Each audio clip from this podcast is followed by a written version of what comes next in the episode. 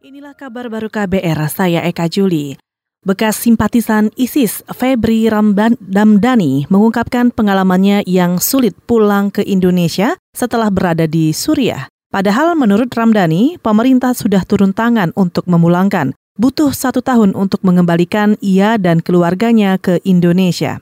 Alasannya karena pemerintah Indonesia baru mau membantu proses pemulangan kalau Febri dan keluarga sudah keluar dari Suriah sebab di Suriah masih dalam kondisi perang. Jadi ternyata saya balik ke Indonesia gitu kan dengan orang-orang yang menyelamatkan saya waktu itu dari pihak pemerintah juga cerita gitu kan gimana prosesnya. Jadi selama kurang lebih hampir setahun sebelum saya pulang itu mereka juga sudah berusaha gitu kan untuk memulangkan kami gitu kan banyak pro kontra yang terjadi. Gitu. Sepulang dari Suriah, bekas simpatisan ISIS Febri Ramdhani dan keluarga harus mengikuti program deradikalisasi dari Badan Nasional Penanggulangan Terorisme atau BNPT.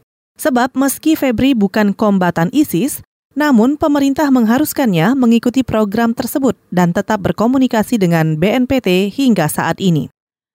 Saudara Komisi Pemberantasan Korupsi atau KPK menemukan cap jempol pada uang sitaan suap distribusi pupuk yang diterima anggota DPR dari Partai Golkar Bowo Sidik Pangarso.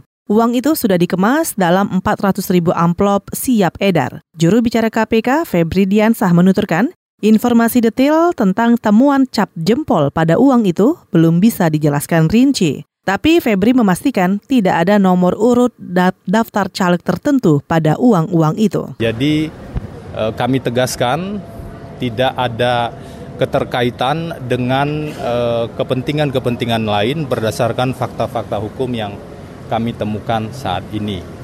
Memang ada uh, stempel atau cap-cap tertentu di amplop tersebut, tapi sejauh ini fakta hukum yang ada itu masih terkait dengan kebutuhan pemilu legislatif.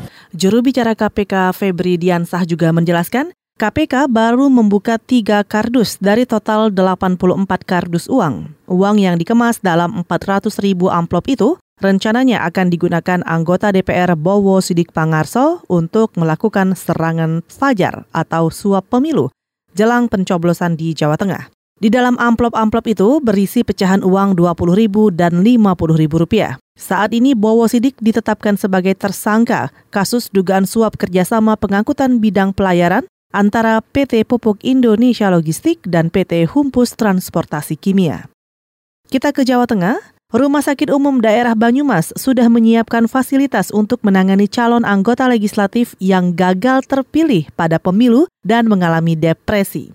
Anggota Komisi Pemilihan Umum Banyumas, Hanan Wiyoko mengatakan, fasilitas Rumah Sakit Umum Daerah Banyumas itu menyiagakan ruang perawatan di kelas 3 lengkap dengan empat psikiater. KPU kan tidak ada anggaran untuk penanganan caleg gagal atau depresi ya, karena itu di luar tahapan. Banyumas ada 503 caleg, sementara yang jadi memperebutkan 50 kursi. Artian satu kursi diperebutkan 10 orang. Ya pasti ketika banyak harapan, cita-cita, keinginan, impian, sudah keluar uang banyak, kemudian cita-cita itu gagal kandas, dimungkinkan depresi itu.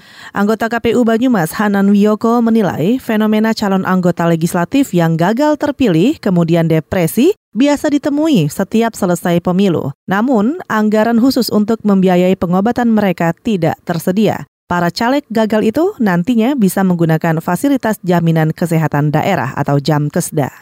Kita ke mancanegara, Presiden Aljazair Abdelaziz Bouteflika resmi mengundurkan diri selasa kemarin. Ia menyerah pada gelombang besar tekanan masyarakat yang berunjuk rasa massal selama berminggu-minggu menentang kepemimpinannya yang sudah berlangsung 20 tahun. Bouteflika yang berusia 82 tahun itu mengumumkan pengunduran dirinya dalam taklimat yang disiarkan kantor berita APS. Ratusan warga Aljazair sontak turun ke jalan-jalan di ibu kota bersuka cita atas selesainya rezim Bouteflika. Saudara demikian kabar baru, saya Eka Juli.